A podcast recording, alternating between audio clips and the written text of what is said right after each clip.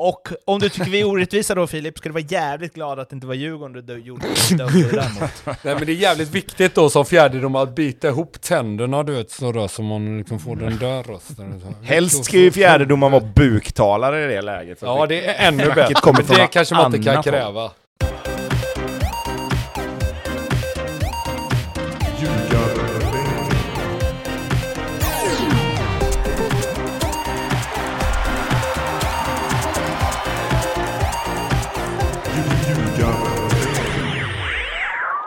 Ljugarbänken avsnitt 231 tillsammans med eh, Betsson är detta och det är precis efter avslutad påsk allsvensk omgång. Det var ju nästan alla matcher på en dag, eller det närmsta vi kommit det de senaste åren om vi inte pratar slutomgång då. Eh, men innan dess, eh, påskfirandet. Hur har ni eh, firat? Hur är spanska påskfirandet? är man ju nyfiken på. Du, det är bra. Jag är nog så marinerad som man bara kan bli. Jag tror att om man tänder en tändsticka i närhet- närheten av mig nu så blir jag nog flamberad tror jag. Så det har varit bra. Menar, menar du att eh, vätskan kommer inifrån, eller? Ja, lite så. Den håller väl på att liksom ångas ut på något jävla Sipprar vänster här nu. Men ja, det gäller att ta in Ja. i lagom mängd hela tiden. Tobbe, ditt eh, påskfirande? Eh, ja, marinerad är jag nog, men inte på grund av alkohol. Ehm, Nej. Utan snarare att man har haft det jävligt gött, tänkte jag säga. Men, eh, nej, men det, har varit, eh, det har varit bra. Det har varit eh, lugnt och stilla, får jag väl säga ändå. För eh, vi har varit hemma hos morsan lite, syrran och hennes familj har varit hemma från Norge. Så att, nej, lu- lugnt och stilla, men med mycket god mat, så kan man väl säga. Gömmer ni ägg till ungarna, eller? Absolut. Min fru gömmer Pontus? både till ungarna och till mig. Eller ja, påskharen gör ju det då. Va, vad fick du i ditt ägg? Ja, Pontus. Nej, men jag fick sådana där goa plopp och, och kexchoklad. jag är 35, det, det, det tror man inte. Ja, det är fint. Eh, jag köpte också ett eh, påskägg till min eh, sambo. Fick inget tillbaka. Men, men, kämpa på. Vi, är några som kämpar på är ju IFK Norrköping. Det tredje raka torsken ledde 1-0 mot Djurgården och fick en straff som Totte Nyman brände. Och sen så vände Djurgården och vann. Och eh, framförallt kanske två saker som jag vill foka på eh, med den här matchen. Och eh, det ena var det Norling sa efteråt, det andra var det Kim Bergstrand sa efteråt. Men vi kan ju börja med era er, er summering av det som hände på Tele2. Nej, Jag tycker att eh, Norrköping gör faktiskt en, en väldigt bra match. Jag tyckte att eh, Abdulrazak på mitten framför allt eh, dominerar. King. Ja, riktigt jävla bra. Jag tror han är 18 bast va? 19. Ja, okej. Ja. Hur som helst, eh, han spelar väldigt moget och tar med sig boll i hög fart hela tiden och, och dominerar matchbilden. Och Totte Nyman har ju lekskola med, med vad är det han heter, mittbacken Löv, eh, Lövgren va? Mm. Ja, som har en, eh, en jobbig kväll på, på Tele2 för att Totte Nyman skapar saker från ingenting egentligen matchen igenom och är ja, efter Abdulrazak den bästa spelaren på plan tills han får för sig att göra den här jävla Jorginho-straffen. Och då tänker jag ju någonstans vid 1-0 och just med den straffen då som folk har börjat göra lite här och där. Är det inte, är det inte grejen att man ska skjuta med marginal med någon meter från stolpen eh, när man gör den straffen och inte en meter utanför? Eller är jag fel på det då? Men Ja, man ska du tror inte han ens sköt skj- utanför med för lite? Nej, nej, det fattar jag. Ja, Jag men fattar ju också att han inte siktar Jorginho utanför. den. Men inte hela grejen att du ska vänta ut målvakten så jävla mycket. Jo. Att han kastar sig så att du liksom bara kan rulla den åt andra hållet. Att du, du, du kan ta en meters marginal. Det är, ju det, det är ju det hela straffen går ut på. Då kan du för fan inte sula den en meter utanför.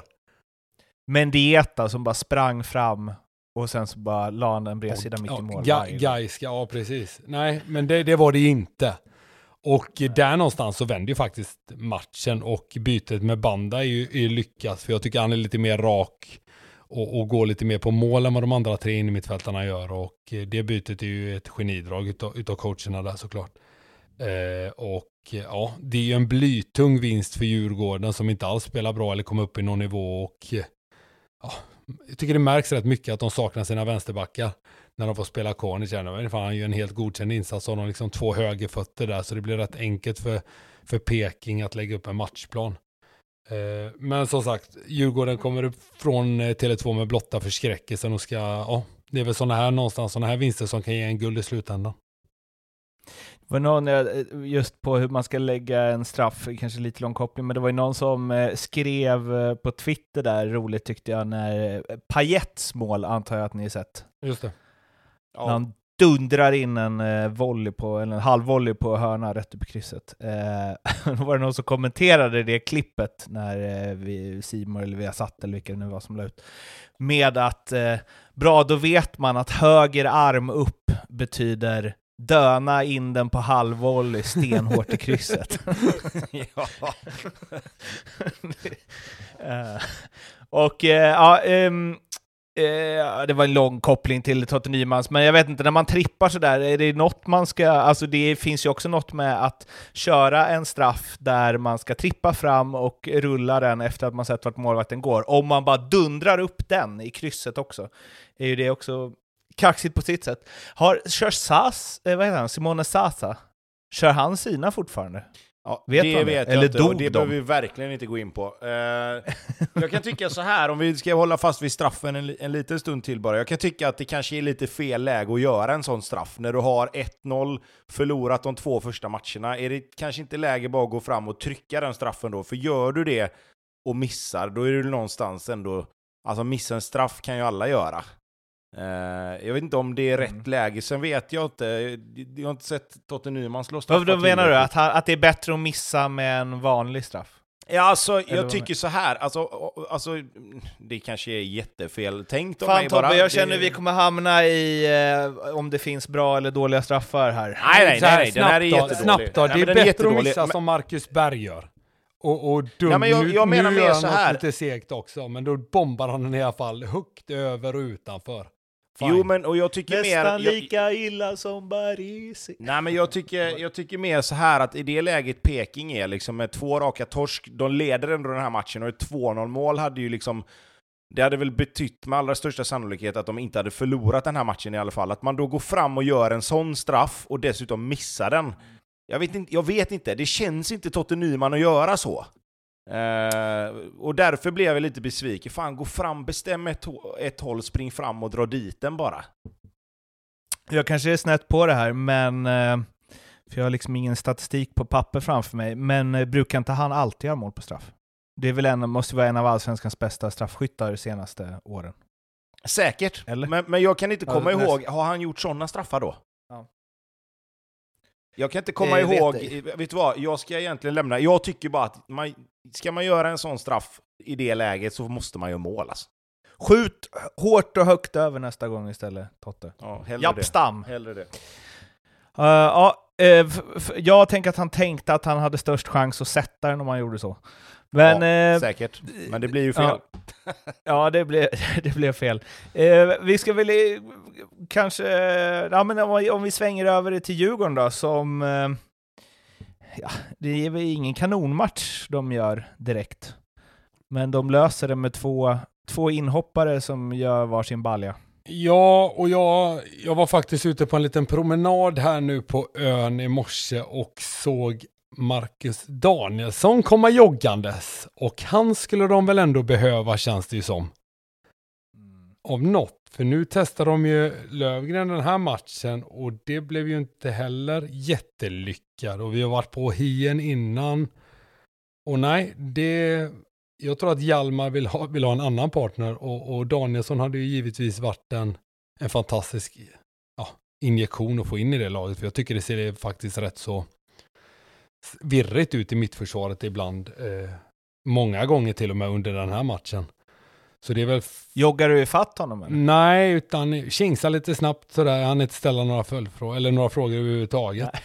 Så det var lite tråkigt där. Jag kanske skulle få hört honom om hur det ser ut här, om ja. han kommer hem till, till Djurgården eller inte. Pontus, nästa gång du hamnar i det läget, ja. då gör du så att då bara snackar ni liksom som eh, före detta kollegor och sen så använder du det som enligt uppgift. Ja, okej. Jag podden. vet. Jag har inte kommit dit än i journalistarbetet eller med mig själv överhuvudtaget. Nästa gång lovar jag att jag gör det. Ja, bra.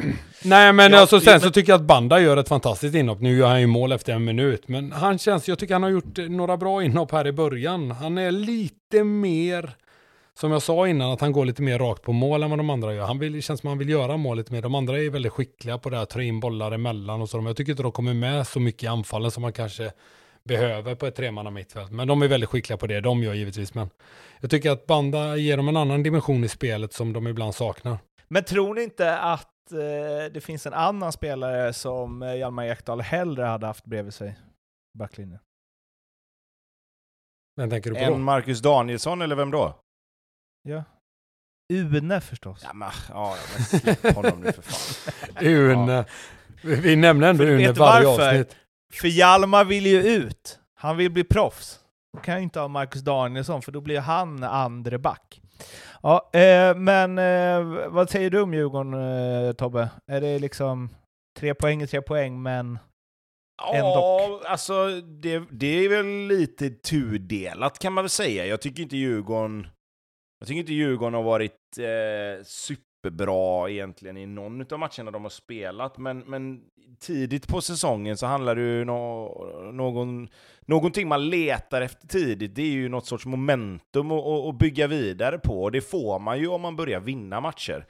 Eh, Men precis som, som eh, resultaten så har det ju varit lite hackigt. Alltså, det är inte riktigt det här maskineriet som har trummat igång och liksom mittfältet har inte riktigt tagit samma tag i matcherna som de gjorde förra året och har gjort de här två senaste åren, tycker inte jag. Eh, Jag tycker inte riktigt att man har fått igång eh, trion där fram. Jag menar, Sead blixtrar till ibland, men Eh, I, i- just den här matchen gör ju, om, om vi har skällt på, på Oskar Jansson, så gör ju han en helt fantastisk räddning på, på några utav, eh, framförallt Seads friläge där han kommer upp med en hand och, och får, en, Eh, få, få, räddat den då. Så att jag tycker att Ja, det är lite, lite frågetecken kring formen på vissa spelare, lite frågetecken kring eh, hur man ska få igång det här maskineriet tycker jag. För jag menar, det är ju inte bara att, att ta för givet att det helt plötsligt ska lösa sig, utan det är ju någonstans en, en, en sak som, som man... Ja, det känns som att, att man har tagit det för givet, men nu när man ser att det lite grann hackar så, så är det ju, blir det ju också ett jobb att se till att det där börjar funka igen. Och det, det kommer det säkert göra, men jag, jag tror att precis som Pontus är inne på, frågan är om inte du ska spela Banda nu när han ändå är bra och ändå är lite hetare än de andra spelarna. Nu är frågan vem du ska ta bort, men det lutar väl kanske åt att en sån som Findell får flytta på sig i så fall. Men är, är det för hårt att säga till och med att eh, den enda ser, alltså, eller Degerfors-matchen var egentligen bara att Djurgården hade flyt, att ingen av Degerfors fyra ramträffar bidde mål, eller två mål istället. Och att de egentligen har flaxat till sig sex pinnar. Nej, men det tycker jag är lite hårt ändå. Eh, de har ju som sagt Sead, han, han blixtrar ju till emellanåt. Man skulle väl kanske vilja ha lite mer av honom. Edvardsen också givetvis, men han hängde ju två i första, så de har ju de här spelarna som avgör matcher som storlag har. Däremot så är det ju lite oroande då en match som denna när de kanske ja, med blotta förskräcksen klarar sig därifrån med, med väldigt mycket flyt. För gör Norrköping 2-0 så finns det inte en chans i helvetet att, att eh, Djurgården får med sig några poäng från Tele2. Eh, för Norrköping då, där det mycket handlar om att eh, de tycker att de spelar bra, Norling tycker att de spelar bra, Levi tycker väl att de spelar helt okej, vilket ju ändå han eh, brukar vara ganska kritisk, så det får väl anses som bra.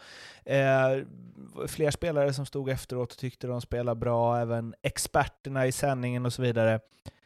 Eh, och att man kanske spelat bra även, alltså mot Varberg var det ju egentligen inget snack om man ser till chanser.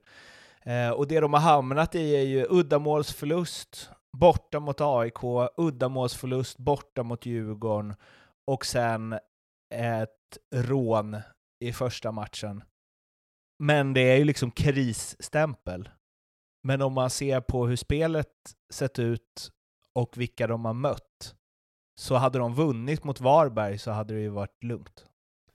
Jo, men nu är det ju som det är. Alltså, den, Ja, ja, men först, alltså... fotbollen går så- ut på att vinna, vinna fotbollsmatcher. Och, Så här, om det här hade varit mellan omgång 10 och 13 så är det ju, hade man ju tänkt fan, två bra bortamatcher ändå. Att de bara torskar med uddamålet mot båda de lagen.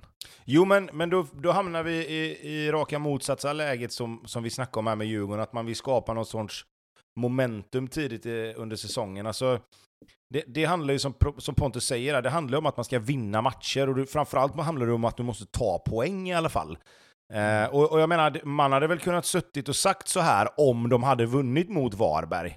För då hade du kunnat prata om att ja men fan, två tuffa bortamatcher i Stockholm, Eh, det kan man inte begära att Norrköping ska vinna kanske om du slår ut det på en säsong så är det två av de svåraste bortamatcherna.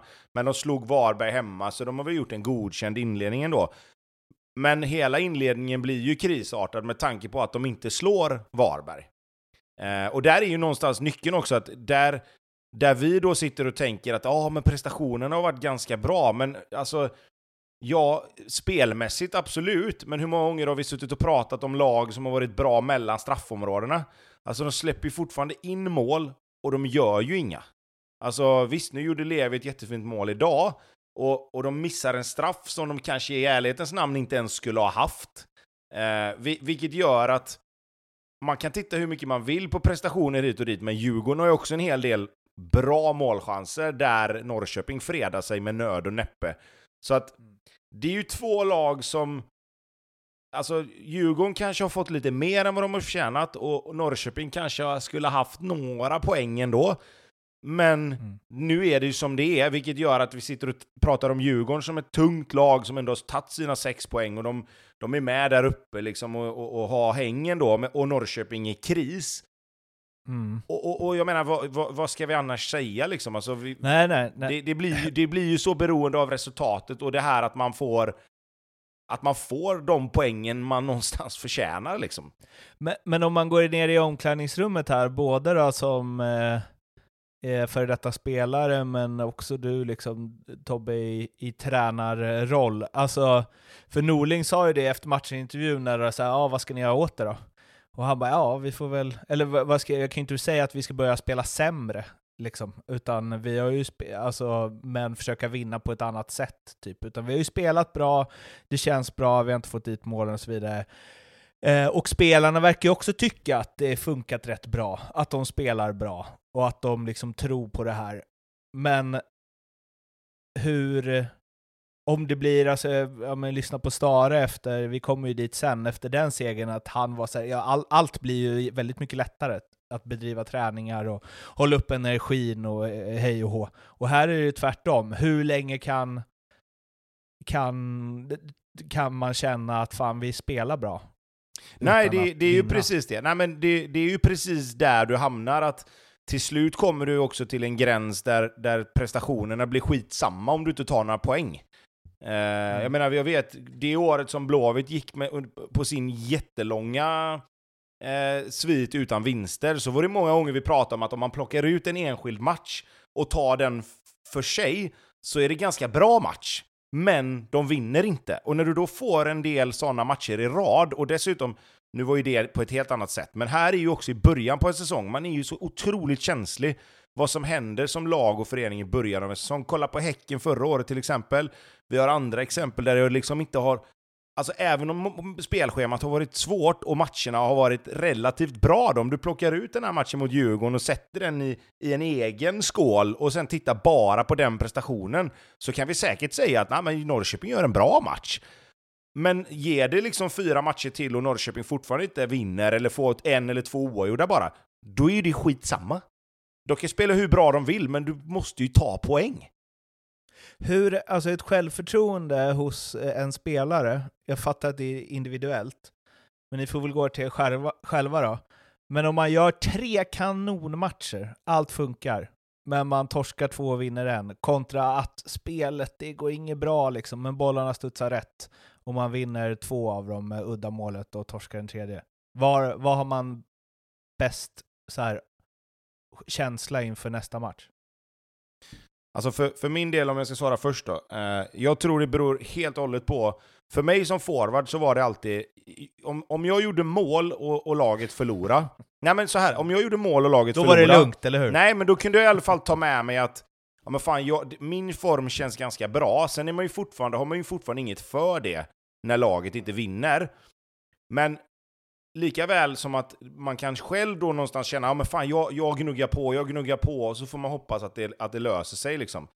Eh, men det är klart som fan att du hellre väljer att inte göra ett enda mål, och att du vinner tre raka matcher.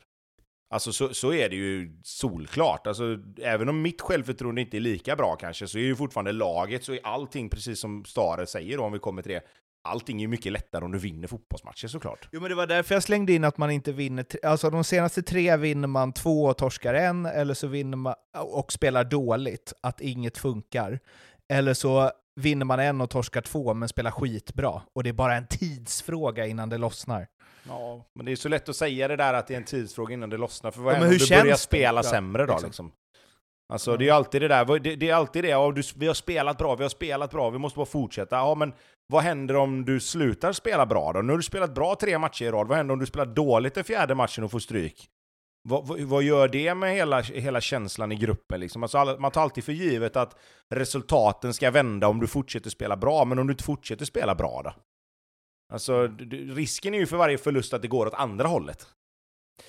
Pontus, vad säger du? Tar man alltid med sig liksom... Nej, men jag tycker vi kan ta, jag Poängen tycker vi kan snarare än Djurgården som ett prestationen. bra exempel där. De har inte spelat eh, super över de här tre första matcherna, men de har med sig sex poäng. Jag tror ändå att den känslan är ändå rätt god. Vi har inte riktigt fått igång vårt anfallsspel, inte försvarsspelet heller, och känna att man ändå har det, det med sig, att det är någonting man vet kommer bli bättre med tiden. Då, det är ändå en rätt skön känsla tror jag.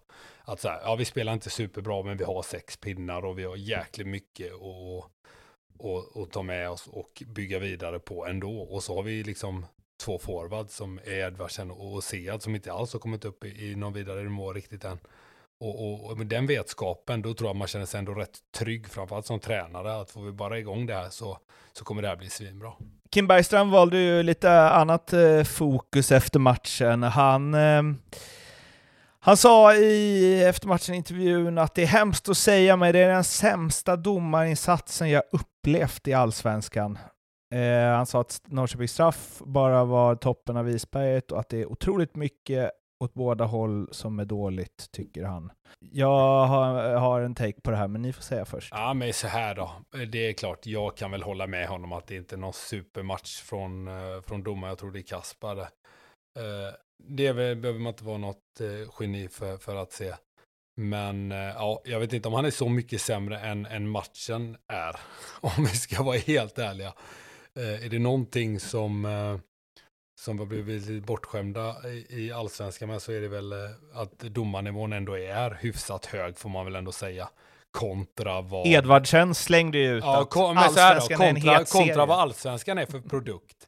Om man ser till fansen så är de bra mycket bättre än vad både allsvenskan och domarna är, men det är ju en annan, en, en annan diskussionsämne. Men just domarna och eh, eh, den allsvenska fotbollen tycker jag håller hyfsad jämn nivå får jag väl ändå säga. Sen straffen tycker jag är horribel. Dels går han på boll och sen vet jag inte riktigt hur det där är om man faller innanför och sånt där som de har hittat på nu för tiden. Men ja, det känns ju skumt liksom. Men det största bekymret där är väl att Löfgren blev bortgjord på mittplan och det borde han fokusera på kanske istället än, än att hålla på och gnälla om det där. Men jag kan ju förstå att gnället är där för det är några grejer som är väldigt skumma och precis. Och det som jag tycker är bra att han säger, förstår, förstår jag att folk blir upprörda för att han är ute och gnäller.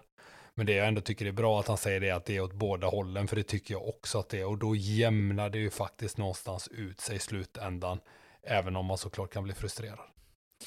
Lite så, samtidigt som... Eller ja, du får säga först Tobbe. Nej, jag, jag har egentligen inte jättemycket att lägga till. Man kan väl säga så här då istället, att jag tycker ändå av, av två dåliga eh, alternativ så tycker jag ändå det är bra att han gör det när hans lag ändå har vunnit. Eh, för, då, för då får det liksom... Då blir det inte det här dålig förlorare-snacket liksom. Sen, sen har han ju fått en stämpel på sig att han, är lite, att han är jävligt gnällig och gnäller på det mesta liksom. Och jag tror han får passa sig där, inte för att jag tror att han bryr sig, men jag tror han får passa sig också för att du, Nej, du det får gör ju... han Nej, det inte. gör han inte. Nej, men jag tänker mer ut gentemot domare liksom, att att, att domare är också bara människor. Sen, sen säger inte jag att de kommer döma bort Djurgården med, med flit, liksom. men man, man vet ju själv hur det är när man får en förutfattad mening om någon. Att du, du, du letar ju situationer lite grann i en match. Jag menar, vet du att en spelare är, är tuff och lite småful så håller man ju lite extra koll. Och det är klart att det blir väl omedvetet så att domarna springer och, och, och tänker på sådana saker också. Eh, även om de är proffs och, och gör så gott de kan liksom. Eh, men utöver det, jag vet inte, alltså lite som Pontus säger där, jag tror inte att menar, domarna är ju ute i Europa och dömer liksom. Eh, och, och bortsett, Jag väl haft bortsett från Malmö är det väl egentligen inte så många av, av lagen i Allsvenskan som, eh, som är ute i Europa, vad jag har sett de senaste åren i alla fall. Men om man, om man en grov skarvning så har vi väl haft ungefär lika många världsklassdomare som världsklasspelare senaste 30 åren. Eller? Eh, Jag har dålig koll på det- domarkåren det- faktiskt. Jag vet Jonas nej, Eriksson och, Fan och in där och veva alltså. Men, men, jag kan, men alltså det är väl, Men över, överlag så har vi ju fler domare som dömer i europeiska cuperna än spelare som spelar där liksom. Alltså framförallt från allsvenskan. Det är ju bara Malmö som Eh, har varit ute liksom. Jag måste...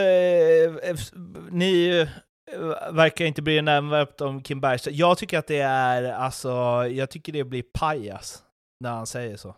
Alltså, det är liksom en, eh, en historiskt dålig efter matchen-intervju.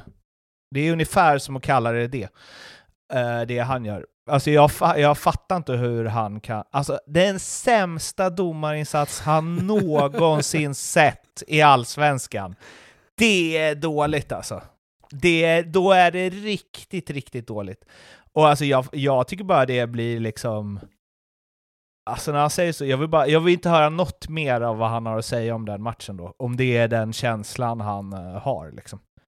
Det är ju... Eh, alltså, jag vet inte. Hur fan kan han säga? Det är som att han hade sagt att eh, Jonathan Levis mål var det snyggaste mål han någonsin sett i en allsvensk match av en vänsterfotad spelare. Ja, det var inte riktigt, Alltså- det var ingen bra jämförelse. Nej, det var det verkligen inte. Men det är ju inte det. Alltså, han har ju spelat på allsvensk nivå i hur många år?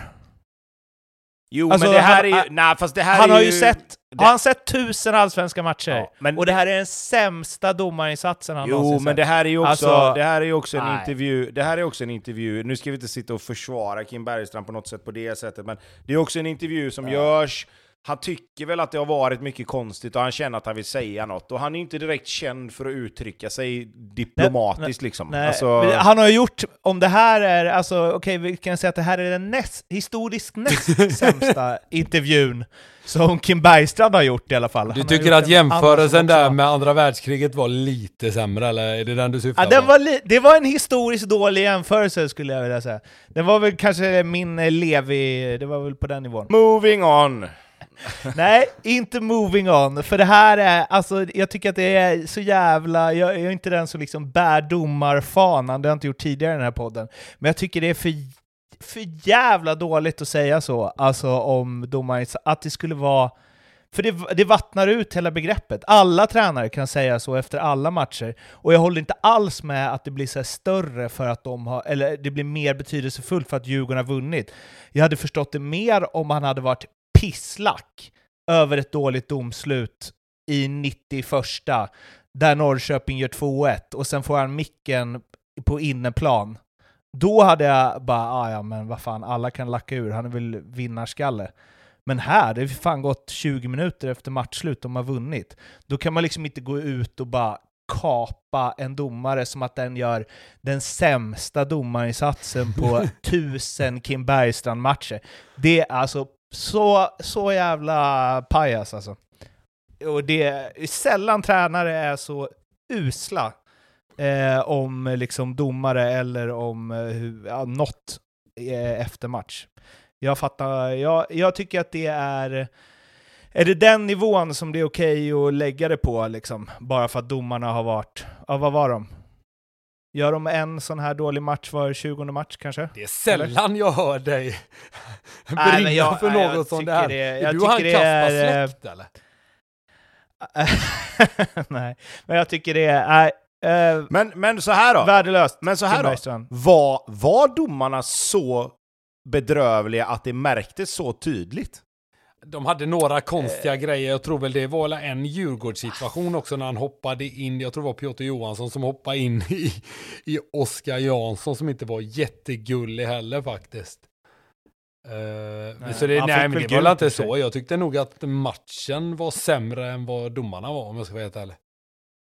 Det är ju så, alltså om du ska säga att det är den sämsta domarinsats som någonsin setts, då måste det ju vara något som alla, oavsett vilket lag de håller på, efteråt bara ja, lätt. Ja men det var det jag menade, det var det jag menade. Men Alltså, så har det var det ju varit, Har det varit sådana reaktioner kring det, att, att det finns på något sätt, liksom, har, har han en Nej. poäng? Eller är det bara någonting som han själv i sitt huvud har liksom... Men det, det, det blåste på. över helt. Den enda som höll med var väl Edvardsen. Och sen var det bara, mm, ingen... Nej, nej. Fast man, är man inte. så van vid att man gnäller på domarna då? Alltså det hör väl lite till. Fan, jag, när jag spelade, jag gnällde på domarna sedan jag var sex år. Det, är liksom, det växer ju inte bort. Jo men det, du kan ju säga att de var dåliga. ja, det är ju- det är det där historiskt dåliga, du tycker det? Ja men alltså, om det hade varit eh, liksom någon som hade, liksom, vad fan vet jag, någon som kommer in och kör liksom sina första allsvenska matcher. Då hade det varit så här, omgång tre, det här är den sämsta hittills. Men Kim Bergstrand som liksom har levt allsvenskan i hela sitt liv. Nej, höj dig Kim Bergstrand. Nu är det två dål riktigt historiskt dåliga intervjuer här. Nu får du steppa upp. Uh, vi ska ta och ringa Andreas på Betsson och eh, på tal om att steppa upp då, prata lite eh, speltips från herrar Wernblom och uh, Hysén. Tror, jag tror ditt system pajade när jag satte ett tips här. Det blev fullständigt chock i hela systemet. Ja. Nej, men du är Ah, svinduktig Andreas, det går svinbra. Uh, Men Hammarby leder alltså, på allsvenskan i alla fall. Nu, när du sitter med dina jävla odds, sitter du och antecknar dem för hand då eller? Du måste väl kunna dator? Ja, men den, den svarar inte på mina hörlurar. Den fattar inte den är inkopplad. Så passa på nu, nu kan det vara vilket jävla odds som helst Ja. på allt möjligt. Jävlar, jag måste bara få Ja, kör. Men, men jag, har, jag har faktiskt en riktig poddmix som är här om en vecka typ. En riktig, Ja. riktig. En riktig, bättre än våra ju. Till, Ja, till och med. kan vara faktiskt. Sägs det, men det kommer inte hjälpa så mycket om du inte kan spela in med den. Men Det, ja, det får vi lösa. Det får vi lösa. Ja, det är senare problem. Ja, eh, vi, vi har, det här får du klippa in snyggt Martin, lycka till. Eh, grabbar, det, har ju, det ska väl hyllas här va? Det tycker jag. Vem, Ja. vem då? Ja, det, vi, hade, vi hade ett historiskt eh, speltips. Ja. Verkligen. Verkligen skulle jag säga. Hur känns det Tobbe? Jag vet inte riktigt hur jag ska känna om jag ska vara helt ärlig. Det har aldrig hänt förut. Det blir så här... Fan, jag vet inte riktigt. Jag känner mig väldigt euforiskt. eh, Så här, var nästan så att jag skulle gå in och köra någon så här monster-odds till nästa så, men... Nej, jag vet inte fasken. känns väldigt, väldigt bra. Det står ändå 1-1 här nu detta året, så det känns bra. Ja, men vadå 1-1? Ska vi spela safe? Då, vi spelar ju inte så. Vem som har tjänat mest deg måste det vara på en hundring eller något sånt där. Ja, men jag satte ju 400 000 på min. Ja, jo, jo, du fick Och fick in 405 den. 000 tillbaka. Ja, eller hur? ah, Ja, ah, kuken! Jag fick kramp. Ah. Ja, vi, det, låter som att vi, det låter som att det är Tobbes spel vi ska börja med i alla fall. Ja, lite så. Jävlar. Lite så. Ja, nej, jag... Eh, jättekul verkligen. Eh, Elfsborg minus 1,5 och sen att eh, Hammarby vann då såklart. Eh, så vi, vi gnuggar vidare med lite så här eh, siffror hit och dit med plus och minus. Jag säger att Häck, eh, Norrköping-Häcken är det va? Eh, över 2,5 mål. Och att Mjällby vinner. Ja.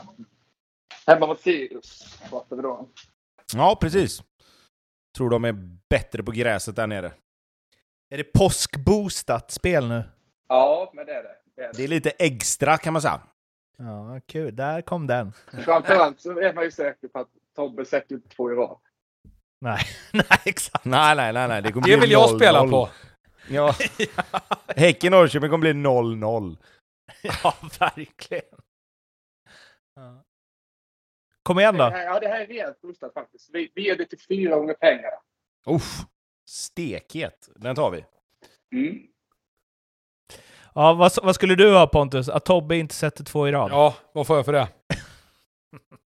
Ja, det blir inte mycket. Nej, jag förstår. Nej. Jag vill ha att AIK håller nollan, för det är jag rätt säker på att de gör nu, för det gjorde de ju sist när de var skitdåliga defensivt. Ja, Och sen, och sen att Kalmar eh, med handikapp minus en och en halv. Man, man gillar ju ändå helomvändningen på Sundsvall här. Från raka borta mot Varberg till nu ska de förlora med minst två hemma. Ja, ja, jag har sett dem. Jag har ju tagit ut, jag har ju utsett fel Andersson till sämsta målvakten i Allsvenskan. De. Så nu är jag, jag är tämligen säker på att den här sitter faktiskt. Och, och Kalmar vinner SM-guld också. För de ser för jäkla bra ut för dagen. Ja, det, det låter ju otroligt. Eh, ska vi se. Sju gånger pengarna kan vi ta på den. Då är det också en rejäl boost kan jag säga. En riktig, riktig påskboost. det hackade lite, vad sa du? 27 gånger pengarna? Nej, sju. Ja, 7. 27 hade varit den där lugn boosten han pratade om som han tydligen har glömt då. Ja, ja, men jag får tacka och ta emot då. Ja, fint. Har, har du något annat du vill eh, delge?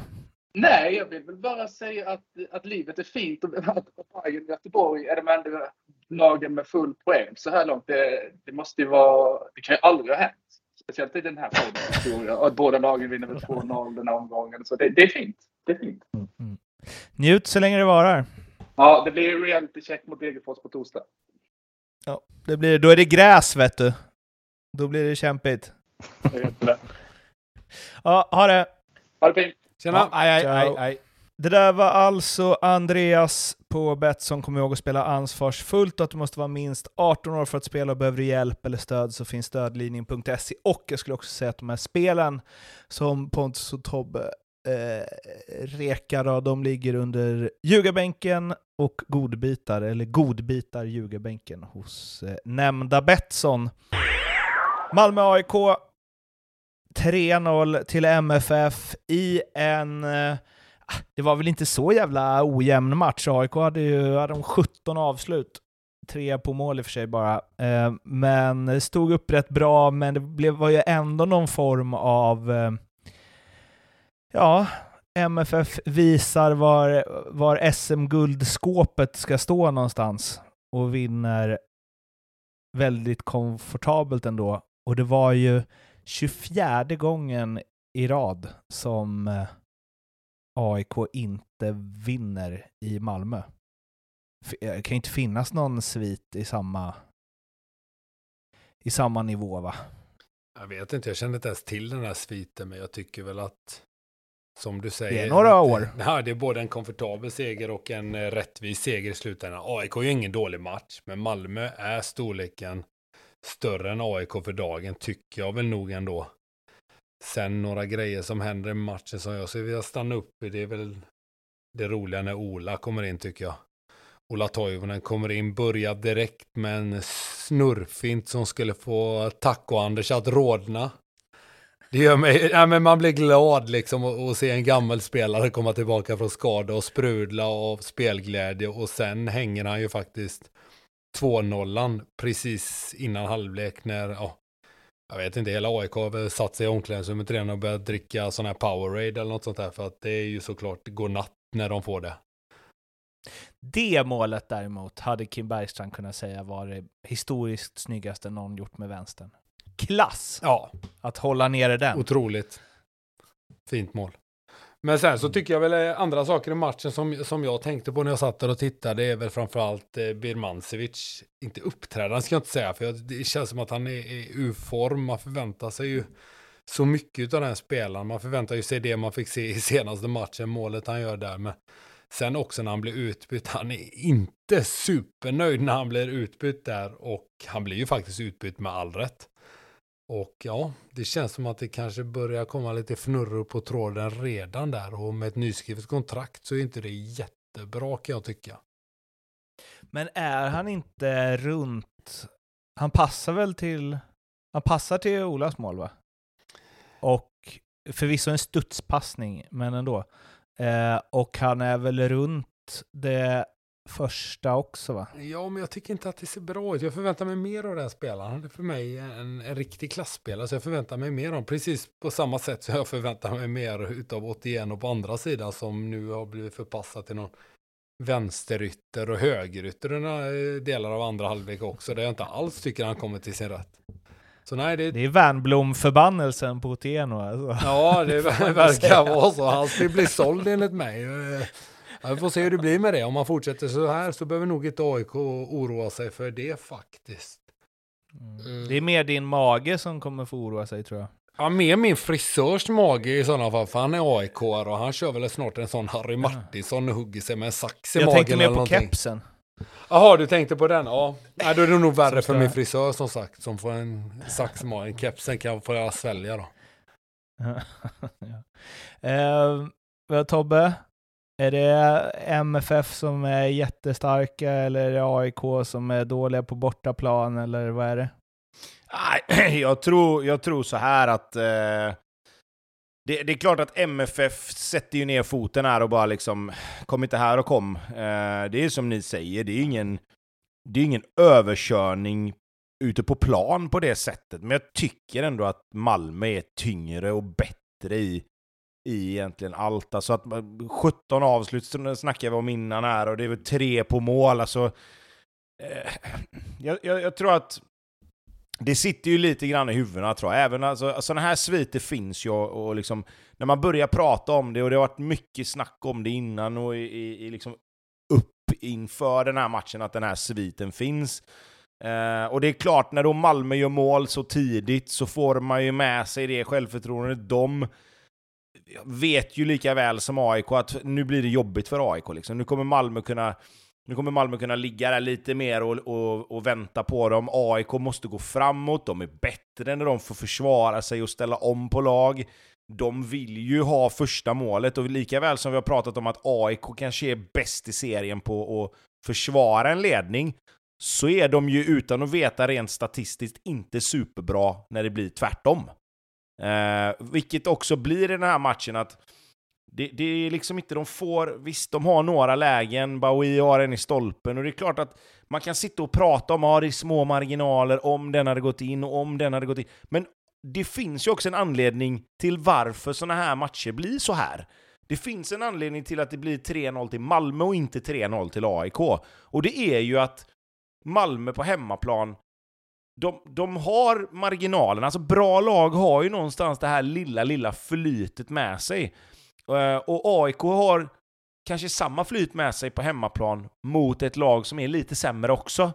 Eh, där kvaliteten till slut blir avgörande, och det är det som är, det är, det som är liksom skillnaden i den här matchen till slut. Det är ju kvaliteten på Malmös avslut. Alltså Kiese första mål, lite flyt, visst. Eh, Nordfeldt gör en bra räddning, men Kiese är på rätt ställe. Olas mål, fantastiskt bra gjort. Och ta den på uppstuds om det så hade varit hans rätta fot, är bra. Ännu starkare nu, och sen Kiese eh, andra mål är ju så snyggt, alltså det är så, det är så bra gjort att nästan ligga ner och bara dräpa upp den ribba in liksom. Ja, han är en eh, jävla uh, killer alltså. Helvete, ja, och det, och, och det är där... Men det är där lite skillnaden är, alltså. Jag tycker inte Isak Kiese nödvändigtvis gör någon jättematch i övrigt, men han gör två mål, han är jobbig, han plockar ner lite bollar, han är stark, felvänd. Sen, sen är det liksom, alltså jag tycker Baui...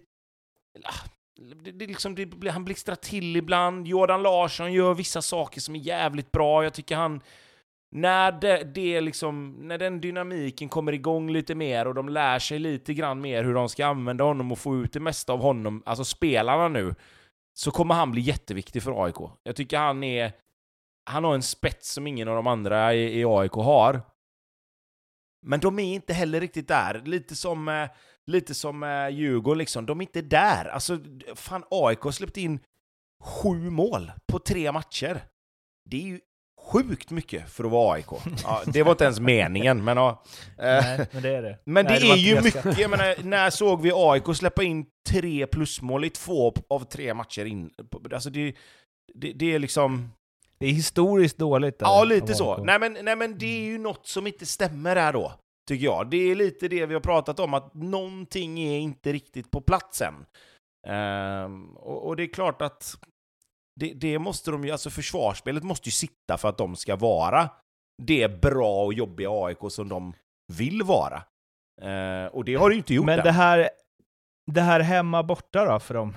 För det, Seb Larsson var inne på det efter matchen, att nu har det här pågått för länge, liksom. vi måste hitta vad det är. Och det är ju eh, svårare sagt än gjort förstås, men Idag är det ju enkelt att säga så, men jag tycker någonstans att idag möter de ett bättre lag. Alltså de möter ett Malmö som faktiskt är jäkligt bra idag.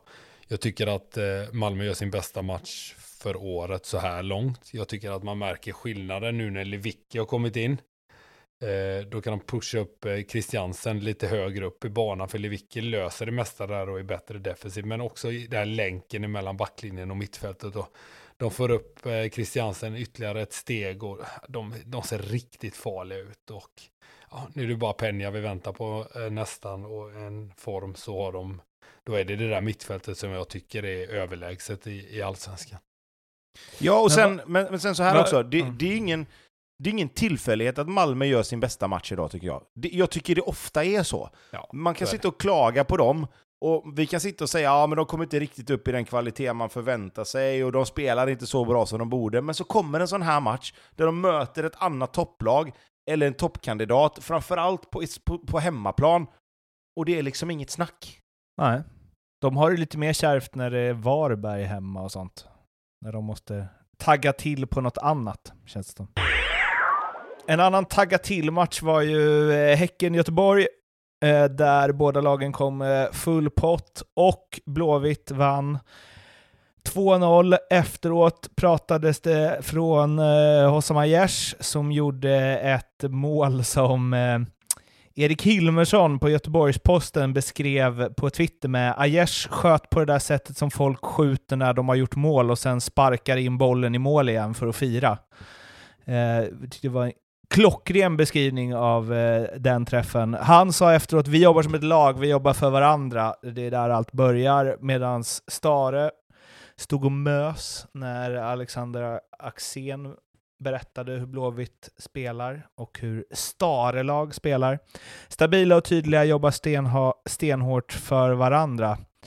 Eh, sen så lade Stare också till att om man jämför med när de mötte Häcken i fjol i det här eh, borta derbyt då, så var det en galen skillnad i år jämfört med då. Eh, är det så enkelt att man är så stabila och tydliga, jobbar stenhårt för varandra och, och att, eh, ja, var det Axén som sa det i studion, att till och med spelare som Hossam Aiesh har, har köpt in på det här nu och gör det? Eller är det något annat som har hänt? Jag är nog lite Mm, inne på det tror samma, samma bild som jag har av Djurgården. Det finns stora mm, delar som är väldigt bra i matchen. Framförallt starten, första fem minuterna sköljer de över Häcken. Häcken är paralyserade och så blir det ju 1-0 där också direkt. Och eh, sen tycker jag de tappade lite och Häcken börjar hitta in mellan lagdelarna på ett sätt som jag inte alls tror de är nöjda med. Utan då märker man verkligen att de spelar 4-4-2 för då hittar de in eh, insticken eh, mellan mittback och, och backlinje hela tiden. Och eh, mittbackarna får jobba framförallt, får jobba riktigt jäkla hårt där ett tag och med Jeremejeff och gubbarna och det viner skott och inlägg runt omkring dem. Men sen så får ju Blåvitt en straff som de bränner och då tänker man nu blir det som en Norrköping. Nu kommer de ju någonstans sätta full fart här nu Häcken och, och ta över kommandot ytterligare och få in någon boll. Men helt plötsligt börjar Blåvitt spela bra. Och så tar ju Hodzic det här fantastiska röda kortet, vilket avgör matchen. Eh, som jag sen såg att han var ute och gnällde på. Eh, av någon anledning när man tar två gula inom loppet av någon minut. Vilket är så, ja. Där borde man bara be om ursäkt egentligen till, till alla inblandade. Både fansen som var på matchen och till sina lagkamrater och tränare och hela föreningen. För så får man inte... Historiskt dåligt. Ja, historiskt eh, uselt uppträdande om du frågar mig. Nej, men som sagt, jag kommer tillbaka till det. Jag tycker Blåvitt ser ändå stabila ut, men det finns, känns ändå som att det finns mer att ta av där. Eh, får jag ändå säga. Jag tycker stora delar är bra, men det finns väldigt mycket mer att jobba på. Och ja, nu har de nio poäng och jag tycker inte de har kommit upp i, i den nivå som jag förväntar mig av dem, utan jag tror att det finns ytterligare växlar att dra av faktiskt. Sen gillar jag den nya keepern Werner Hahn. Som för övrigt låter som någon medlem i någon stråkorkester eller något sånt där. Men han känns stabil. Tillsammans med mittbackarna så är ja, men jävla lugn där bak, vilket, vilket jag gillar. Och eh, nej, jag tycker det sprider sig över hela laget än så länge han, han ser inte ut som en medlem av en stråkorkester. Nej, det gör han inte. Han har lite mer swagger än vad de... Nu ska jag inte säga att jag... Sågar du alla stråkorkester-swag som finns där ute? Eh, Men eh, alltså, är det orättvist eller, eller orättvist, det behöver inte vara något dåligt, men är det fel att säga att Blåvitt spelar väldigt enkel fotboll och att när man får in lite självförtroende och go i det här och alla gör sitt och kämpar för varandra och eh, vilket Stare varit inne på en del, att den bästa spelaren är bäst. För Marcus Berg var ju återigen, även om han missar en straff, och det, så har han ju ändå en framspelning till första målet och en... Eh, ja, Sanna borde gjort 2-0 där på ytterligare en fin, men han gör ju mycket bra liksom. Eh, nej men alltså, är det, är det fel att säga att Göteborg bara spelar enkelt och när alla gör jobbet och man har Marcus Berg där uppe så ja, behöver det inte vara så mycket svårare än så. Nej, men jag, jag, tycker, jag tycker den här matchen var Blåvitts bästa hittills ändå. Alltså, bortsett från sista 20 minuterna i, i första halvlek och första 5-6 minuterna innan straffen egentligen kan man väl säga i, i andra, så tycker jag att Blåvitt har full koll på den här matchen. Eh, Häckens målchanser är egentligen... Alltså de har en precis i inledningen av andra halvlek där Hodzic kommer fram och, och han får göra en riktigt bra räddning. Men utöver det så är det inte så jäkla mycket och jag tycker Kalle Johansson och Bjärsmyr i mittförsvaret har, har koll på Jeremejeff. Eh, det är en chans han får egentligen i slutet av matchen där, där han hade kanske borde träffat mål där han skjuter över, men utöver det så är det inte så mycket mer. Eh, jag tycker inte att eh, Uddenäs och Eh, Leo Bengtsson kommer någonstans. Det ser ut att kunna bli farligt någon gång ibland, men det- blir inte så mycket av det, vilket är ett jäkla bra bevis till, till hela Blåvitts backlinje. Jag tycker att det de gör som är, som är jäkligt bra, det är precis som, som eh, vi har varit inne på här, att de jobbar hårt och, och ligger helt rätt i, i, sina, i sina utgångspositioner i försvarsspelet. De är inte rädda för att spela försvarsspel. De känner sig trygga i det och sen ställer de om. Och när de väl ställer om så tycker jag i den här matchen att de har ett helt annat de har ett helt annat passningsspel och spela sig ur press. De har ett helt annat passningsspel och ta sig fram när man ska gå från det låga försvarsspelet till att spela etablerat anfallsspel. Eh, och jag, jag tycker att Blåvitt gör en, en bra match. Eh, i perioder blir de lite väl tillbakatryckta, men som jag sa, jag tycker inte Häcken skapar några direkta jättemålchanser i de perioderna. Eh, precis som Pontus sa, han känns stabil, gör de här två kanske räddningarna som man förväntar sig och, och, och att han ska ta. Vilket också måste vara otroligt skönt för, för backlinjen. Eh, och sen så har de spelare som, som, är, som är vassa framåt. Det skulle nog kanske varit något mål till. Jag tycker Peter Abrahamsson i, i Häckens mål gör en bra match också. Han, framförallt i början där räddar han ju en eller två från både Willemsson och Oskar Wendt. Eh, så att... Jag, jag, Lite konstigt. Ja, fortsätt. Fortsätt. Nej, men kör du. Nej, men jag bara tänkte från Häckens håll liksom i det här att så här, Sadik startade inte, fast han hade stor show sist. Eh, och liksom de, de går ändå in i det här med två bra segrar och en hemmamatch i premiären där de liksom klär av AIK. Och så, det känns som att de kommer ut, jag säger inte att Blåvitt inte gjorde det bra, men det känns som att de kommer ut så jävla ställda liksom. Det borde ju vara de som bara, nu, nu kör vi här. Fast man ska ju ha med Sist- sig också här när Alltså. de kliver in på sin hemmaplan här så är det ju någonstans Blåvitt som är hemmaplan. Nu var inte jag på plats. Men det enda man hör är ju faktiskt Blåvitt-fans och det är ju någonstans, jag tror att det kanske får dem att bli lite skrämda för Blåvitt har en jävla boost när de kliver ut där. För det är inte ofta man kliver ut på bortaplan och sätter upp den pressen och får, dessutom får betalt i början av matchen Blåvitt får idag. då. Eh, däremot tycker jag det är konstigt, att fortsatt konstigt, även ifall de har såklart haft resultatet med sig innan idag, att Friberg inte spelar. Eh, jag kan inte riktigt förstå det, men det kanske finns något underliggande där, jag har inte en aning. Han spelar väl? Han kom in sista kvarten. Ja, ja, men vadå, Ehm, spela från start? Fan, Jo, nej men absolut. Men jag tror samtidigt... inte, kan inte säga till samtidigt mig, så här... de kan inte lura mig om att Berggren är en bättre spelare än vad Friberg är. Nej, det I- tror inte jag heller. De kanske tycker... i mellan linjerna. Jag hade förstått om du har någon sån här balansspelare eller något sånt där. Och det här är ju inte Fribergs styrka såklart, men sättet som de spelar på känns väl ändå rätt så givet att ha en spelare som Erik Friberg som är otroligt bolltrygg och bra på att hitta de passningarna in emellan och instick och avgörande pass. Det, jag tycker det är konstigt. Men jag, jag, jag, tror bara, jag tror bara det är så enkelt att man har vunnit de här två matcherna med det mittfältet som har spelat. Öff, den Eh, hatar jag, den taken. Nej, jag vet, men jag Vinnande vet, men jag, jo, men jag säger, bara, jag säger bara att jag tror att det är det som är grejen, att, att de har spelat med de här tre eh, och, och gjort det bra liksom. Sen, sen, kan jag, sen kan jag förstå din take också, att Erik Friberg, om han är frisk, ska spela, absolut. Men frågan är väl om han är helt frisk och kunna lira. Eh, det är väl snarare den frågan man får ställa sig, att, att är han så pass att han kan spela 60-70 liksom? Eh, och sen är det också det här då, liksom att vad får, har man då en matchplan där man tänker att okej, men vi tror väl kanske att vi får ut mer av Erik sista 20 än vad vi får första 70 då. Liksom. När vi har tio man på plan. Nej men det vet man ju inte innan. Du gör ju inte upp en matchplan för att liksom Generellt ligga för sig- under. Men han är väl ingen sista kvartens... Jaha, i och för sig om de hade lätt och bara skulle... Ja, men jag tänker så här, alltså, du, gör ju alltid, bollen, du gör ju alltid upp ett scenario. Om du har en spelare då, om vi utgår ifrån att han kanske inte kan spela en hel match eh, och är lite småskadad, då får man ju någonstans välja, okej, okay, när vill vi ha honom på plan? Vad, hur tror vi att matchen kommer se ut?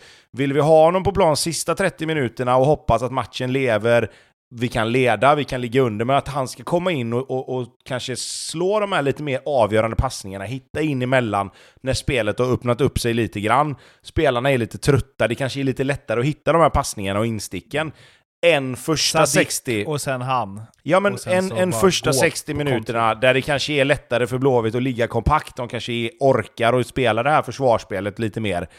Jag säger inte att det är så, men det är ju de tankarna som, om man säger som tränare, som man har att om du har en spelare som inte kan spela 90, när vill vi ha honom på plan? Vill vi ha honom på plan första delen, eller vill vi ha honom när matchen ska avgöras? Sen kan man ju inte förutse... fel. Ja, men sen kan man ju inte förutse att det ska bli 0-1 och ett rött kort liksom. Alltså, det, där är man ju, då är ju frågan liksom, okej, vad gör vi nu? Det blir ju helt nya scenarion. Jag bara säger att jag tror inte att Erik Friberg är frisk nog att spela mer än 20-25 minuter i, i nuläget. Och då tänker jag att det är bättre givetvis. För du kan ju inte Ja, ta ut han efter 30 minuter liksom. Alltså det funkar ju inte.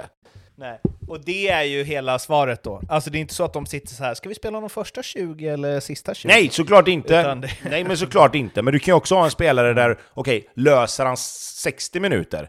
Ja, exakt. Är det bättre Men i att det ha här han fallet första fanns det 60 förmodligen eller- inget... Nej, jag, precis. jag tror Nej, han det är petad och det gör mig jävligt ledsen alltså. Ja. ja, men det blir ju Ja. bara spekulationer. Men det är klart att Erik, en frisk Erik bra. Friberg ska ju spela, så är det ju. Mer spekulationer till folket. Precis. Ja, här jag vill spekulera vad det är för fel på Gustav Norlin. alltså han lyssnar på den här podden eller? Och vi... Han måste, Han han vill också måste bli ha käkat några konstiga svampar eller någonting idag. För jävlar vad övertänd han var. Det var härligt att se. Uh, jävla energi Ja, när men- han kom in och det firades röda kort och det firades frisparkar. Men kan Ja. det vara så att han suttit och lyssnat på förra avsnittet och tänkt jag vill också omnämnas i den där podden. Va, får se här, vad snackar de om? Jo, de snackar om Jallow, att han firar assist. Nu ska de få Jävlar. något att ja, men prata han har om sett, alltså, så, han sett otroligt pigg ut, eh, de chanserna Ja, han var han grym idag. Ja, ja, otroligt. Så det, det är kul att se. Men jag, först tänkte jag när han firade röda kortet så tänkte jag så här, ja men lite hets och liksom göra Häckenspelarna irriterade. Men när han firar den där brytningen som om han liksom hade avgjort en VM-final. alltså det var... Ja, det var, en his, ja det, var, det var en historisk firning av en brytning, måste jag säga. Jag har aldrig sett något liknande någonsin. Ja, det, är han, det är han och Andreas Johansson och möjligtvis David Boviklander med sina high fives där i Norrköping som, som eh, kommer nära då. Ja. Eh, nej men jag, jag, Men just- om vi ska prata om Gustav Norlin så vad fan har hänt med honom liksom? Från att ha varit fullständigt under isen i nästan ett helt år till att fan vara magisk supersub här nu liksom. Eh, Han har valt glädjen, det kanske är det. Ja, men och sen tror jag, jag tror han har fått en roll och en position som passar honom mycket, mycket bättre än det han har haft innan. Eh, här är det lite så här dåligt självförtroende, ingen direkt tro på sig själv. Vad gör man då? Ja, men sätt han längst fram. Låt han bara få springa liksom. Så nu Så han fan, nu har du... någonting i vattenflaskan också. Nej men precis. Nej men jag, jag liksom, nu ska jag inte göra så, men jag vet själv när jag, jag var ytter i Blåvitt när jag kom, och det här vet ju Pontus också. Man har inget vidare självförtroende, det går inte så jävla bra. Det är svårt att få ut det man vill när du hela tiden tänker att liksom, fan, det är, det är massa spelare i vägen, jag vågar inte riktigt gå framåt, jag vänder hem, kör safe, man missar lite. Men så helt plötsligt så får du då liksom, nej men du är snabb, vi sätter dig längst fram, nu ska du bara springa, du ska vara först på bollen och så ska du försöka göra mål liksom, eller se till att, att jaga livet ur, ur mittbackarna bara. Eh, och jag tycker det är helt rätt. Jag, jag, tror, jag tror på riktigt att det här kan vara draget från Blåvitt som gör att de kommer få, de kommer få nytta av Gustav Norlin på ett helt annat sätt i år.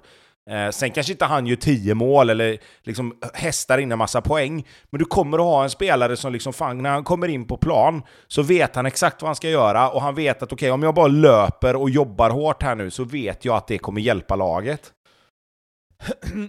Sen så, eh, Gustav Norlin, om du eh, mot förmodan skulle nås av det här, så det gör mig glad att du är glad. Det är liksom mer känslor i eh, fotbollen. Mer sådana känslor. Jag vill se fler firanden av små grejer. Där är Blåvitt i en klass för sig i Allsvenskan just nu. Hammarby-Mjällby. Eh, ja, vad ska man säga där? Som väntat. Bayern maler ner dem. Ja, jag tyckte Mjällby var riktigt bleka. Alltså, jag hade förväntat mig efter, efter två raka segrar, efter, nej men så här, efter två raka segrar och två, två bra matcher liksom, att inte, att inte Mjällby ger mer med motstånd, det är, de måste vara sjukt besvikna på sig själva liksom. Det var de väl också efteråt kändes det som. Brännström var väl inte direkt happy clappy efter matchen-intervjun med deras... Han var, ju mest, han var ju mycket på inställningen. Att de kom dit och var lite wowade av Hammarby, typ. Ja, jag tyckte inte ens Hammarby behövde vara så bra. Jag tycker jag har varit mer imponerad av dem innan. Den här matchen gjorde de bara planenligt. Ja, de gör ett eh, Gracia som, har, som vi har berömt innan, som har fått otroligt mycket beröm överallt här också. Tafatt ingripande på Ludvigssons mål. Så är, det, så, så är matchen över. Det är, jag tycker... Och inte Irma som, som sa att han var den bästa mittbacken i historien. Nej, men att ja, han var den bästa mittbacken hittills. Där att han inte är allsvenskans bästa mittback, det tycker jag. Han får en liten putt i ryggen och undrar vad fan som hände. Eh, det är inte mm. basket liksom, utan eh, ja, Ludvigsson är supersmart och nickar in den där såklart och då är matchen över där med. Sen tycker jag väl ändå att man någonstans kan skönja att eh, Hammarby saknar Bojanic lite. Det är ändå han som står för de riktiga avgörandena. Eh, jag tror att de, mm. jag vet inte hur illa ställt det är med honom eller om han är tillbaka rätt snart. Men jag tror att de kommer behöva ha honom här framöver. Framförallt på hemmaplanen. Sen eh, Ludvigsson var ju efter det, alltså fan vad det är ingen newsflash på det, men fan vad han är bra alltså. Han skapar liksom ur... Han, är, han är så himla långt ifrån vad jag trodde att han var när han kom från Örgryte. Att han bara liksom var en kämpe som sprang och petade in någon boll då och då. Men nu är det ju, det är ju snurrfinter, alla Toivonen och så vidare. Eh, men han sa ju efteråt att eh, han tycker att eh, de som lag och eh, ledarstaben är bra på att ta det här steg för steg och att liksom inte stressa fram grejer utan att processen får ta sin tid. Eh, och sen snackade jag om det här eh, målet de gjorde, då, att de hade nött det flera gånger just den varianten på träning dagen innan. Liksom. Och skönt att det satt förstås, men eh, nu är det lätt att säga när det rullar på förstås. Det är mycket möjligt att Norling har en eh, liknande process i Norrköping, men eh, jag tänker att det ändå är något när en spelare och person som Ludvigsson ändå påpekar det. Jag att, tycker det pratas för mycket processer 2022. Fan vad alla pratar processer hit och dit. Mm, ja. Vad är... Det är för dåligt. Nej, jag tycker att nej, nej, absolut inte. Jag tycker bara det pratas om eh, processer överallt. Trust the process ja. och fan allt de håller på med överallt. Skitsamma. Jag tycker att Hammar, Hammarby är helt klart på rätt väg. Sen har de haft ett hyfsat enkelt spelschema ändå. Och ja, de riktiga lagen kommer här nu framöver och då får vi se då hur långt fram de är i sin process. Vad, vad tycker du om deras process, Tobbe? Jag tycker väl att eh, Hammarby är det laget eh, som kanske mest behöver den här starten för att kunna blanda sig i toppstriden på riktigt allvar. Eh, om ni förstår vad jag menar då. Bra take. Jag, jag tror att hade de torskat eller tappat poäng i någon av de här matcherna som har varit så, så blir det alltid det här lilla gnället att ja, snart kommer de tuffa matcherna och Hammarby, är de, är de redo liksom som vi pratar om? Eh, och där, precis som Pontus säger, så tror jag att Bojanic kommer behöva vara på plan, för han är den som kommer han är den som kommer spela bort eh, motståndarnas press till en början. Han är ju den spelaren som vågar hålla bollen den där lilla sekunden extra och sen trä in en, en passning emellan linjerna som man så fint pratar om nu då 2022. Om vi ska snacka process i ett ord så är det ju mellan linjer som är inne på, på att prata om också. Vad är Då. det de har börjat kalla snett inåt bakåt? Det är väl, eh, vad är det, 45 Cutback. graders passning av... Ah. Nej. Ja, Det var skitsamma. Jonas Wallestedt som kallade det för typ en 35 graders passning. Så man trodde man hade med sig den där jävla vad heter det? Ja. vinkel, vad är det de heter de där? Gyllene snittet. Nej, ja, ja, gradskiva. Ja, gradskivan, det var den jäveln man hade, skulle jag fatta aldrig. nej, men, nej men om vi ska gå, om vi ska gå tillbaka till Hammarby då. Eh, det är klart att lika väl som vi kan prata Norrköping, att de har haft tuffa matcher, så, så är det precis som Pontus säger, Hammarby har ju inte blivit testade ännu. Uh, vi trodde väl kanske att de skulle bli det lite mer av Mjällby med tanke på starten som, som Mjällby har haft, men, men det blev de ju inte, om vi ska vara helt ärliga. Uh, och det ska bli kul att se när den första matchen kommer här, där Hammarby på riktigt får lite anfallsspel emot sig. Eh, för då, då ska det bli skoj att se om den här backlinjen som nu har, har liksom snackats om att den ska vara ihopspelad och att den har varit så bra, om den verkligen är så bra som de tror. Eh, att de kan göra mål och, och anfalla mot alla lag, det har vi sett bevis på i tidigare år. Vi har ju varit tveksamma till backlinjen och, och försvarsspelet och det har ju inte blivit testat ännu. Eh, Men som sagt, man kan bara vinna mot det laget man möter, som, som jag så eh, fint påpekar ofta. Och eh, Hammarby har tre raka segrar, vilket är det man kan begära. Elfsborg, eh, Värnamo 4-1 till Elfsborg i en... Ehm, ja, det var väl ingen supermatch av eh, Elfsborg. Värnamo trillade lite trevligt och sen så eh, gjorde Elfsborg målen och höll väl hyfsad koll får man ju ändå säga. Alltså verkligen en sån här match som, eh, ja, ble, blev precis som den borde bli resultatmässigt. Ja. Exakt, Ja. för ni har inget att tillägga. Nej, det är, väl, Det är nej bara så lite här- så. Hade man, man hade, man tippat, liksom. hade man tippat matchen innan, som jag gjorde, så hade man eh, tänkt att Elfsborg skulle köra över Värnamo, och det gjorde de väl, får vi väl ändå säga. Eh, men det krävdes ändå lite byten. Eh, de, de eh, fick jobba lite hårdare än vad, än vad man kanske trodde ett, eh, ett tag. De fick sätta in Ockels, eh, de fick sätta in eh, islänningen Gudjonsson där som gör två bra mål. Ganska För- målskyttig eh, aura han har ändå alltså. Ja, det vore väl fan annars med den pappan han har. ja, Eh, absolut. Nej, men, men jag, ändå. Jo, Alltså, absolut. Han skulle kunna göra, bli en bra målskytt, skulle han ju kunna bli. Ja, det tror jag. Det, det, framförallt det andra målet är ju ett sånt riktigt jäkla klasslo, eh, klassavslut där han bara bombar upp den med lite god skruv i första krysset liksom. Eh, nej men bra, bra match för Elfsborg att få tror jag. Jag tror att det har varit lite sådär ändå efter hemmatorsken i första matchen och sen även om de fick 1-1 i Malmö då så, så är det fortfarande det där att man vill ju ha den där vinsten ändå. Eh, och idag var det inget snack om att de, att de skulle vinna. De, de städade av Värnamo ganska, ganska enkelt till slut får vi ändå säga. Vi hoppar vidare till eh, Varberg-Sundsvall. där- Sundsvall. Sundsvall! Där Joe Corona gör debut med att ta två gula kort i samma situation. Lite hårt va? Ja, den första Eller? ska ju inte ens vara frispark givetvis. Alltså det är ju, nej, det, nu är jag helt allvarlig. Alltså, det, det är inte ens fri. Frispark ska Men-. Eller? Nej, det ska inte ens vara frispark. Han tar bollen helt klockrent enligt mig. Sen får, man, sen får alla, ja du tycker inte som mig, det finns säkert någon annan som inte tycker. Han tar bollen helt klockrent, det ska inte vara frispark. Sen det han gör efteråt är ju helt hjärndött. Alltså det är så dumt.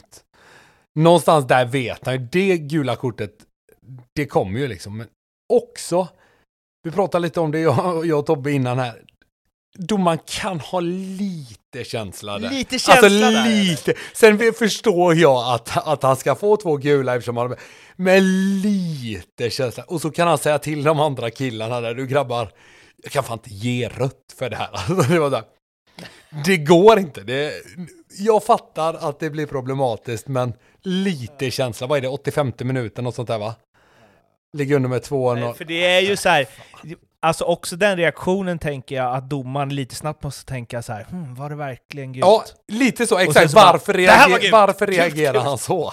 Vad fan blir han skogstokig för? Men, inte, du, men inte en, en- en del i diskussionen är ju att vi pratar om att det inte ens är frispark egentligen. Hur fan kan han få gult kort för tacklingen? Ja, nej, nej, den är overklig. Alltså, att han skjuter bort bollen kan ju vara ett gult kort. Det säger ingenting om liksom, att han reagerar på det sättet. Men hur kan han... Alltså det blir ju... Det blir ju liksom... Att få gult kort för den tacklingen, det är ju det största felet i hela den situationen. Nej. Ja, Eller har jag fel eller? Alltså... Nej, nej, du, du, är, du är helt rätt på det. nej, men jag vill ju liksom att, att fjärdedomaren biter ihop tänderna, du vet, så att ingen hör honom. Och så sådär rätt lågt, så här bara Viktor, för helvete, han tog bollen. Och då får han liksom reda ut det där ute på planen på något sätt. Ja, men är, är ni med? Alltså de behöver ju samarbeta också.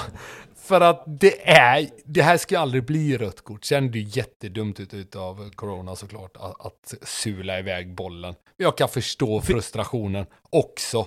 Även om det är så här, jag ska ju inte anklaga någon för, för att vara hjärndöd. Om man säger så. Men jag kan förstå reaktionen, men den är ju såklart Glas jättedum. Ja, den är jättedum såklart den reaktionen. Men någonstans när man ser den i efterhand så är det så så här, det skulle aldrig ens varit frispark. Tror du han hinner uppfatta att han får gult kort för tacklingen liksom? Eller tror du att fasken, Nej. jag får frispark emot mig, jag tog bollen, blir förbannad, drar iväg bollen och sen är plötsligt bara va? Fick jag två gula Ja, nej, nej, på, alltså, på sättet han ser ut efteråt så ser det inte ut som att han har uppfattat det överhuvudtaget. Nej, och det är där jag menar också då, att då kan ju domaren Känslan där också känna in. lite så här, bara vad fan, liksom. Du får ett gult kort här nu, tänk dig för, du sparkar iväg bollen liksom. Ja, nej. Nej, det är väl inte mycket mer att säga om den matchen egentligen, mer än att Sundsvall fortsätter att släppa in massa skitmål. Det Andra målet är horribelt såklart också. Men vi lägger det här på Filip Lind, fjärdedomaren. Ja, Och om du tycker vi är orättvisa då Filip, ska du vara jävligt glad att det inte var Djurgården du gjorde dömde det där mot. nej, men det är jävligt viktigt då som fjärdedom att bita ihop tänderna, du vet, så så man liksom får den där rösten. Helst ska ju fjärdedomaren vara buktalare i det läget. Ja, det är ännu bättre. Men det kanske man inte kan kräva. Åh, det hade man ju älskat. En domare som var buktalare. Så här, ingen, ja, ingen fattar vem som pratar på plan. Men, men ehm, vad skulle jag säga om det nu? Jo, alltså för att eh, jag tänkte att så här, ja, det kanske är gult. För domaren såg så självklar ut att det var det. Och att det är satsningen han får för. Fast Men är jag, satsningen jag, jag så har inte riktigt farlig? tänkt med på det där. Hur mycket får man liksom Men vad, smacka på så länge man träffar bollen? Ja, jag tycker man får göra hur mycket som helst nästan så länge det inte är Ja, sträckta du, ja, ben. men men jag det menar är vad man sträckt får. ben. Nej, men så, här, så länge det inte är något, alltså fan det är ju inte så, han kommer väl inte in med sträckt ben eller? Janne? Nej, jag tycker, jag tycker helt ärligt att det är en sån... Visst, du kan döma frispark om du tycker att satsningen är lite för vårdslös. Men jag vet inte fan om den är det heller, om jag ska vara ärlig. Jag tycker liksom han kommer Nej, inglidandes, sparkar till bollen, träffar bollen klockrent. Och Det är ju där- det är ju därför också han blir förbannad och sparkar iväg bollen, för att han, han är ju liksom... Det är ju ingen frispark. Han måste ju tänka, vad är det för jävla Swedish Chicken League han har kommit till? Ja men lite, lite åt det hållet ändå liksom, det här med team go Fan det är inte och lätt, det är så jävla synd längre, också. liksom. Vi, vi i podden har ändå hoppat på det här bandwagon eh, Sundsvall här nu och så går det åt helvete. Det är Mm. så jävla sorgligt. De kommer ju åka ut med huvudet för om de fortsätter så här. Vi får sluta vi- hålla på Sundsvall helt enkelt. Det är också att vi har ju Joe Coronas rygg och bara helvete här. Det var ju liksom, är det någon spelare vi håller på i sin debutmatch i Allsvenskan så är det ju han. Men ja, Varberg vann ju, vi ska väl säga något ord om det. Du är poddens Varberg-specialist Tobbe. Eh, och jag, jag skrev i anteckningarna här att det är en typisk ska vinna-match för Varberg. En sån match som de vunnit de senaste två säsongerna och nu gör de det igen. Ja, ja. Nej, alltså, och, och vi, vi kan ju liksom bara förundras över hur... Ja, men hur det här är en match, precis som du säger, som Varberg bara går och vinner liksom. Alltså det var liksom inte... Det var ingen bra match egentligen, och det var ju liksom ingen topprestation. Jag hörde Joakim Linne sa att... Ja, det var väl ingen, det var väl ingen supermatch att, att titta på, men, men vi vann och det var det viktiga. Och framförallt de här matcherna mot, mot de lagen som, som liksom... Nu är det jag som säger, inte han, utan men de, framförallt de här matcherna mot lagen som ska vara i nedre regionen runt omkring där ändå Varberg får, liksom, får tänkas vara. Och det var liksom, visst, Sundsvall hade ju historiskt många skott över i den här matchen. Men det var liksom ändå till slut så här, nej. 2-0 efter 25 minuter och så får Varberg ligga och... Ja, de får ligga och gutta sig där lite grann. Kanske några avslut lite för mycket för att det ska vara helt, de ska vara helt nöjda, men... Eh, ja, nej, jag vet inte fasken alltså. Man blir lite klok på Varberg alltså. Nu har de två segrar på på tre matcher och, och liksom, ja, de är, de är på betryggande avstånd från de här fyra som inte har vunnit än. Och det, jag menar, nu ska de här lagen under ta in sex poäng på Varberg liksom. Och de sex poängen måste de ju hitta någonstans. Och det är klart att man kan prata om, man kan prata om att ah, nu har det gått tre matcher, vad fan snackar han om? Men säg då att de här lagen som är under nu, nu ska de ta in, de ska alltså ha liksom sju poäng mer än Varberg hade man sagt det över en hel serie så hade man ju tänkt så här, nej, det får de väl kanske inte. Och nu ska de göra det på färre matcher. Så eh, det, ja, nej, fan alltså. Det är imponerande på något sätt. Det är exakt det där man inte ska tänka om man är någon i de där andra lagen. Nej, exakt. Känns det som. Nej, men så är det. Men, men om man tänker på det sättet så blir det, så blir det lite jobbigt, ja. Vi får väl kanske för Varbergs eh, supportrarnas eh, skulle hålla tummarna för att Norrköping vinner snart då. Annars så är det väl inte helt omöjligt att eh, Jocke Persson är en man som är på bordet om, om Norling skulle få lämna. Det har väl surrats lite om det fram och tillbaka. Eh, men Kalmar, Degerfors, härligt möte. Då, eftersom de ser typ likadana ut. Eh, och eh, Oliver Berg, det var inte bara dansa en sommar, vad det verkar. Nej, Rasmus Örqvist hjälpte honom här idag. Ja. Det får man väl lugnt säga. Det försvarsspelet hade man inte varit nöjd med som tränare för Degerfors. Eh, så enkelt får han ju givetvis inte springa igenom och ta sig in i straffområdet och, och tunnla. Tunnla Whiteman som för övrigt gör en jävla supermatch i, i kassan. Men eh, ja, Degerfors har mycket att fundera på, framförallt försvarsmässigt tycker jag.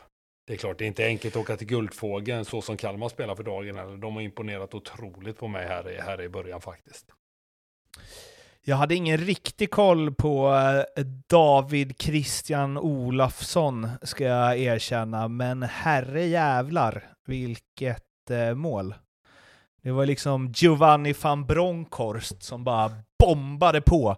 Oliver Berg sprang där vid straffpunkten och viftade med armarna och han liksom slut med dem som “Varför passar du inte?” men bara fortsatte upp i en jubelrörelse när han såg att bollen borrade sig in i bortre krysset. Eh, och eh, ja, alltså... Ja, jag bara säger det. Jag trodde ju det här var en offensiv spelare, va? men eh, det är en vänsterback som har gjort tre mål på 70 matcher i norska ligan, eller vad det var. Eh, men eh, jävlar vilket mål! Ja, och här kan vi ju då på riktigt ja. börja prata om historiska vänsterfötter. För här, Historiskt. Ja, här, här, har du en, här har du en vänsterjävla slägga som kan ändå kvalificera sig lite mer uppe i toppen av mål. För dra på Trisse och han upp den. Nej, inte historiska vänsterbackar, men snygga mål har Raul Bravo, Real Madrid. Vi pratade ju Salgado ja, för några veckor sedan. Ja, ja, ja visst. Men vet, det som är så nice där är det är ändå två spelare han har i straffområdet som är fria. Och det är liksom en, jag vet inte, för mig ser det ut att vara en knackig mottagning. Men Nej, för men honom jag... blir det ju bara att han lägger upp den perfekt och sen bara... Ja men jag, jag kollar lite, man ser ju att han faktiskt, han, han, han tittar ju ändå in i mitten innan han skjuter. Det är precis som att han tittar in och så känner han väl kanske så att nej men fan, det, Passningsfoten har jag inte riktigt, men jävlar, jag drar till istället. Så såg han att det var bara... Isak Jansson där inne som hade missat tre öppna mål i matchen. Nej men precis. Nej men jag, alltså, det, det är ju ett jävla mål alltså. Fan, jag är svag för sådana sträckta vristar uppe i bortre krysset bara. Det, det är bara small liksom. så är man svag, man är också svag för man vet att det aldrig kommer hända igen. För de spelarna, man vet det, det hände aldrig igen. Det var det. Var det. det är den träffen liksom. Och... Ja, ja. Han stod ju till och med i intervjun efteråt, och så när han fick se det så han, var han verkligen så här bara oh nice, oh, oh really nice. så här, som att bara oh jag kommer aldrig göra ett sånt mål igen. Det är, han har ju ingen, eh, alltså den hade kunnat hamna var som Nej, helst. för man kan ju ha så här bra skott i sig. Och så kan man ha dåliga skott. Vi hade en tränare när jag spelade i division 4. Och då spelade jag i B-laget. Och då hade vi en tränare, vi fick aldrig skjuta på uppvärmningen för, vi, för att han var rädd att vi skulle skjuta bra, bort de bra skotten vi hade i oss. Så vi fick, helt, vi, fick, vi fick inte skjuta. Han bara nej, nej, nej. Alla fick gå och sätta sig liksom så här, ja, en kvart innan. Och de andra, andra laget ställde sig och, och tryckte på utav helvete på andra planhalvan. Då fick vi gå och sätta oss och dricka vatten. Men alltså nu, eh, en spelare som jag, jag undrar om han har bra skott eller om han bara... Men Niklas Bärkroth hade ju en säsong i alla fall. Då han hade, alltså, ska försöka inte krydda det här, men han hade ju minst fem helt sjuka distansskott. Jo, men han hade Som bra löd i alla- dojan, fan, med, bo- Jo, med men som båda alla fötterna. gick i ribban, typ. Alltså han gjorde liksom inget mål, typ, den säsongen. Men han hade, såna, han hade fem nästan årets mål, mål liksom. Men det är ju, då är det ju, det är dåligt skott då ju. Väl, Andreas Alm, eftersom de inte gick in. Det var, det var inte du som eh, sa det här om veckan också Tobbe? Vadå? Nej, men om det var något med något, att liksom... Om, det, om skotten inte går in så är det inga bra skott. Ja, det var Wayne Gretzky. Var Nej, det jag, jag, nej bland, nu är det så här. Det enda jag har sagt om sådana Ja, det är grejer, straffarna. det är att straffarna som inte går in är inga bra straffar. Du kan ju fortfarande skjuta ett skott från 35 meter som är jävligt bra, Mm. men att det kan vara en sjuk räddning eller att den tar i stolpens insida eller vad fan som helst. Men, men då är du ju också liksom, då är du en bit ifrån. Då är det ingen som räknar med att du ska göra mål. Men, men jag kommer klistra alla de här grejerna på dig nu bara för att du Ja, är men så gör, stark. gör, gör du det om det känns bättre för dig Mårten? Och i dagens podd har vi faktiskt kommit överens om att man kan skjuta utanför och över på olika sätt på straffar också. Mackan Berg klarar sig undan, men det gör inte Totte Nyman i dagens podd. Ja.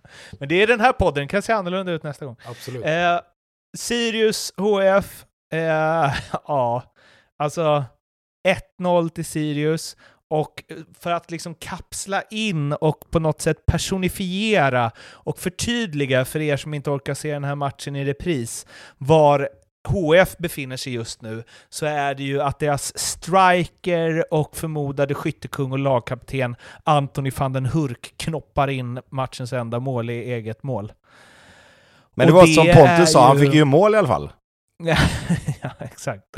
Eh, och det är väl, eh, ja, där är det väl kris. Ja, det börjar väl bli det va? Eh, Helsingborg är ju ändå ett lag som är, ja, det är ett stort lag och ett av de lagen som jag personligen inte vill se ramla ur allsvenskan. Men jag börjar bli lite orolig här faktiskt. Det får jag väl ändå villigt erkänna. Noll poäng efter fyra matcher, det är klart att, eller vad säger jag, Tre. efter tre matcher, förlåt.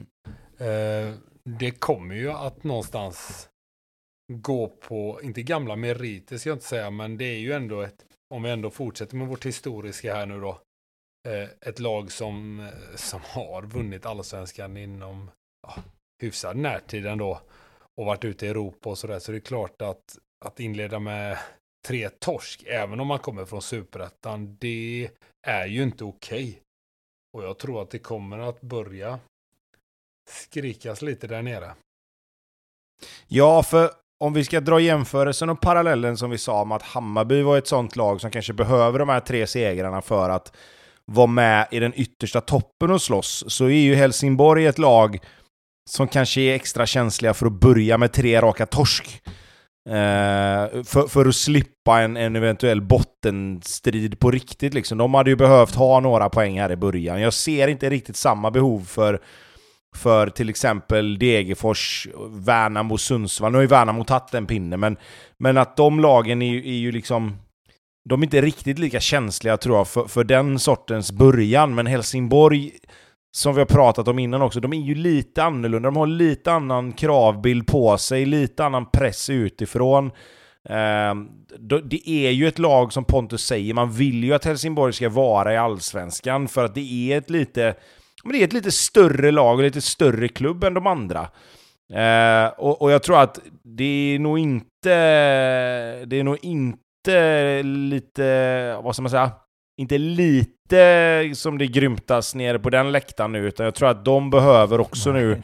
De behöver en vinst här illa kvickt för att det inte ska bli, eh, för att det inte ska bli ohållbart liksom.